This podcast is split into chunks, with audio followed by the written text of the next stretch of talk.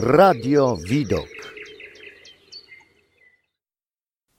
Sportowe emocje.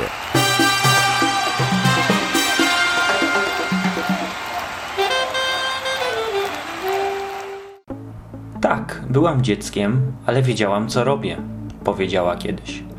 Gdy zakończyła ćwiczenie, na hali zapadła konsternacja, a widzowie wpatrywali się w tablicę, lecz gdy zorientowali się, co zaszło, nie mieli wątpliwości, bo na ich oczach zadziała się historia. Nadia Comaneci urodziła się w Oreszti 12 listopada 1961 roku. Była po prostu dziewczynką ze średnio dużego miasta w Rumuńskiej Republice Ludowej, ale gdy miała 6 lat, w jej życiu wydarzyło się coś, co odmieniło jej los na zawsze. Do szkoły Nadii przyszedł bowiem e, Bela Caroli, trener gimnastyki, który szukał uzdolnionych ruchowo dzieci do swojej szkółki. I mała Komaneci na jego oczach zrobiła tak zwaną gwiazdę, więc razem z jedną z koleżanek została po lekcjach, by potrenować. I w świecie gimnastyki zatraciła się bezpowrotnie. Karoli, szkoleniowiec węgierskiego pochodzenia, znany był z drastycznych metod i w świetle opublikowanych całkiem niedawno dokumentów rumuńskiej służby bezpieczeństwa postać ta musi zmierzyć się wręcz z oskarżeniami o znęcanie się nad zawodniczkami. Przemoc fizyczna i psychiczna, przymusowe głodówki dla utrzymania wagi zawodniczek. E, do tego miało dochodzić m.in. ze strony Karoliego jego żony Marty, która pomagała mu w prowadzeniu szkółki. Trener temu zaprzecza i podkreśla, że jego zawodniczki osiągały najlepsze rezultaty. No i tak było w przypadku Nadii, na pierwsze zawody pojechała jako ośmiolatka w 1969 roku, a rok później była już krajową mistrzynią juniorów i rozwijała się błyskawicznie. Nie przeszkadzał mi rygor. Jeśli Karoli kazał mi wykonać ćwiczenie 5 razy, to czasem robiłam je nawet i 7.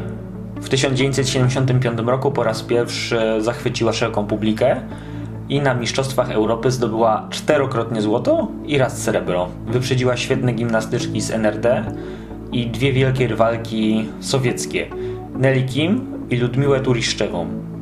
Prawdziwa chwila chwały miała jednak dopiero nadejść.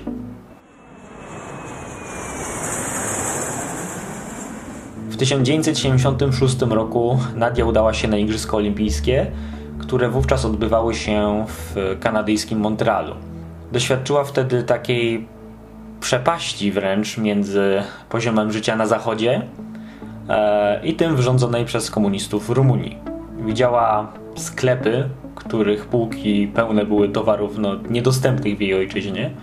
Wspominała potem, że mm, choć rygor treningów sprawiał, że nie miała życia takiego jak inne nastolatki, mm, nie miała potańcówek, spotkań z chłopakami, e, czy zwykłych wypadów do kina, a przynajmniej nie tak wiele jak jej rówieśniczki, to gimnastyka dawała jej coś znacznie innego i równie cennego, a być może nawet bardziej cennego, bo e, były to możliwości podróży w różne zakątki świata. I gimnastyka stała się dla niej takim właśnie kluczem do świata, do reszty świata.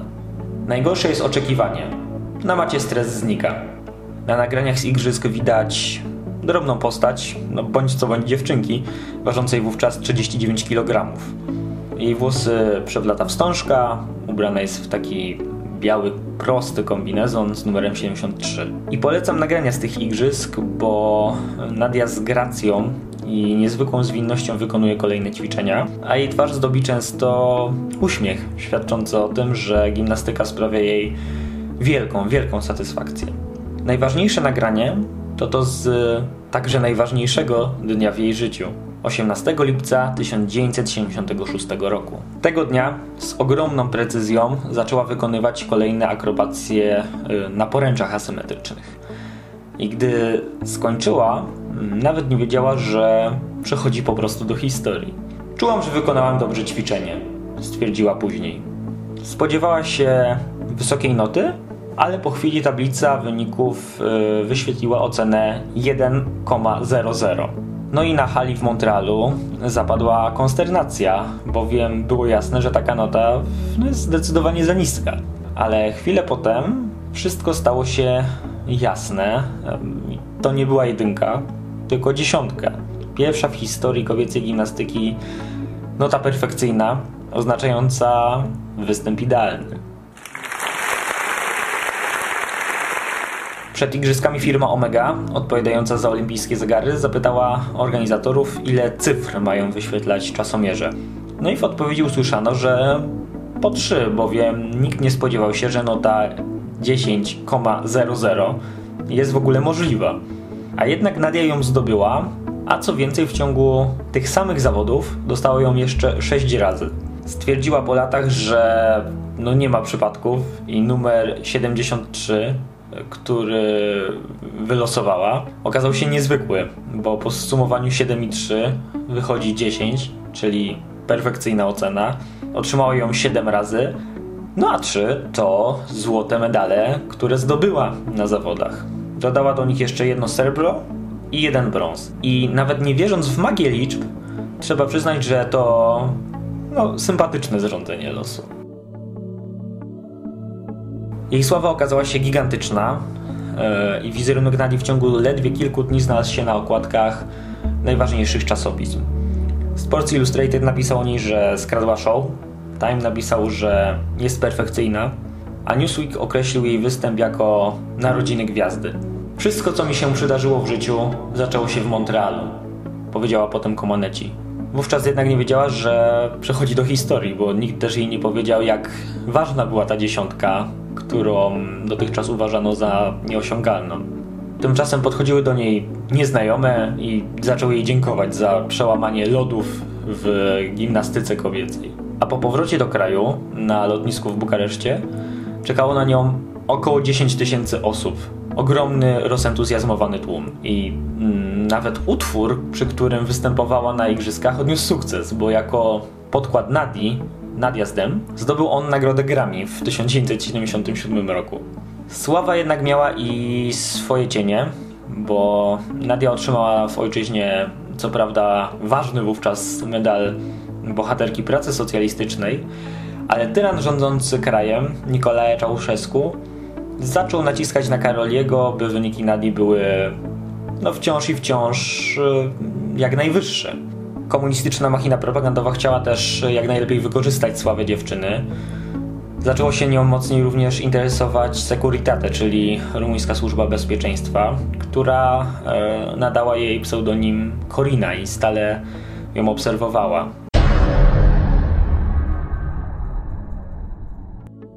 Samo życie Nadi tak naprawdę niewiele się zmieniło, bo na zajęcia dojeżdżała dalej autobusem, jej ojca nie stać było na samochód, a cała rodzina była no, co najwyżej przeciętnie sytuowana. Ćwiczyła jednak wytrwale i w kolejnych latach przyszła pora na następne medale Mistrzostw Europy i Świata w 1977, 78 i 79 roku. Na igrzyskach w Moskwie Nadia zdobyła dwa razy złoty i dwa razy srebrny medal, jednak czuła pewien niedosyt, bo w konkurencji wieloboju wygrała zawodniczka z ZSRR, Jelena Dawydowa i Komaneci, by ją pokonać, potrzebowała noty przynajmniej 9,95. Po pół godzinie e, narad jury dało jej jednak ocenę 9,85. Wściekły Karoli mówił wówczas głośno, że no, skład sędziowski sprzyjał po prostu gospodarzom, bo igrzyska e, no, odbywał się w stolicy Związku Radzieckiego. Miał zresztą potem przez to problemy w samej Rumunii, która z ZSRR zadzierać nie za bardzo chciała. W 1981 roku rumuńska kadra gimnastyczna udała się na turnę po USA. E, chciano głównie zbić trochę kapitału na popularności Nadii Comaneci, choć sama gimnastyczka dostała ledwie 1 tysiąc ze 100 tysięcy zarobionych e, w trakcie występów dolarów. Poznała za to bliżej Barta Conera z kadry USA, która podróżowała razem z Rumunami. No a Conner, co mogę wam już tutaj zdradzić, został później jej mężem. W ostatnim dniu tournée Bella Caroli wraz ze swoją żoną Martą postanowili zostać w USA i poprosić o azyl E, srogi trener próbował nawet e, wypytać tak między wierszami, czy i Nadia nie chciałaby zostać w Stanach, ale ta postanowiła wrócić do ojczyzny. Jej kariera ulegała jednak e, powolnemu wygaszeniu, a w 1984 roku ogłosiła jej zakończenie w wieku ledwie 23 lat. I w tym samym roku, w czasie igrzysk w Los Angeles, otrzymała od przewodniczącego MKOL, Juana Antonia Samaranka, order olimpijski, bardzo ważne dla ruchu olimpijskiego wyróżnienie. E, potem w Rumunii pracowała kilka lat jako trenerka, jako sędzia, ale w listopadzie 1989 roku zdecydowała się na to, z czego zrezygnowała 8 lat wcześniej. Z Rumunem posiadającym amerykański paszport, Konstantinem Panajtem, przez Węgry uciekła do Austrii, a stamtąd po kilku dniach trafiła do USA. Później oskarżyła tego samego Panajta, że ten ją szantażował, że zbijał kapitał na jej popularności, a nawet, że ją przetrzymywał. W 1996 roku wzięła ślub ze wspominanym już Bartem Konderem, a w 2001 roku dostała mm, amerykańskie obywatelstwo. Mieszka dziś w Oklahomie, gdzie prowadzi szkołę gimnastyczną z mężem. Para ma syna Delana i wiedzie całkiem szczęśliwe życie. Simona Halep Przyjaciółka Comaneci i wyśmienita rumuńska tenisistka powiedziała kiedyś zagadnięta o postaci gimnastyczki, że ta stanowiła w Rumunii mm, dla wielu ludzi prawdziwy wzór i do dzisiaj stanowi. I ciężko się z tym nie zgodzić, bo chociaż Nadia wiodła przez długi czas całkiem nieperfekcyjne życie, to dotarła do pewnej wyjątkowej perfekcji. I to będąc tak naprawdę dzieckiem. W czasie przygotowywania tego podcastu korzystałem ze stron Sportowe Fakty, Olympics.com, Onet, France 24, AP, BBC, Marka, The Union, Euronews, ESPN i CNN. Korzystałem także z biogramu Nadii w Encyklopedii Britannica oraz z jej strony, którą prowadzi wspólnie z mężem Bartem Connerem. Ogromnym wsparciem były dla mnie artykuły Kacpra Bartosiaka w serwisie Kierunek Tokio oraz Jerzego Filipiuka w serwisie Gazety Krakowskiej.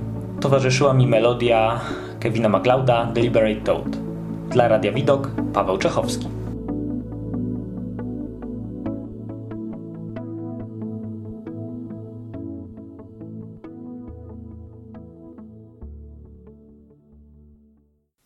Sportowe emocje.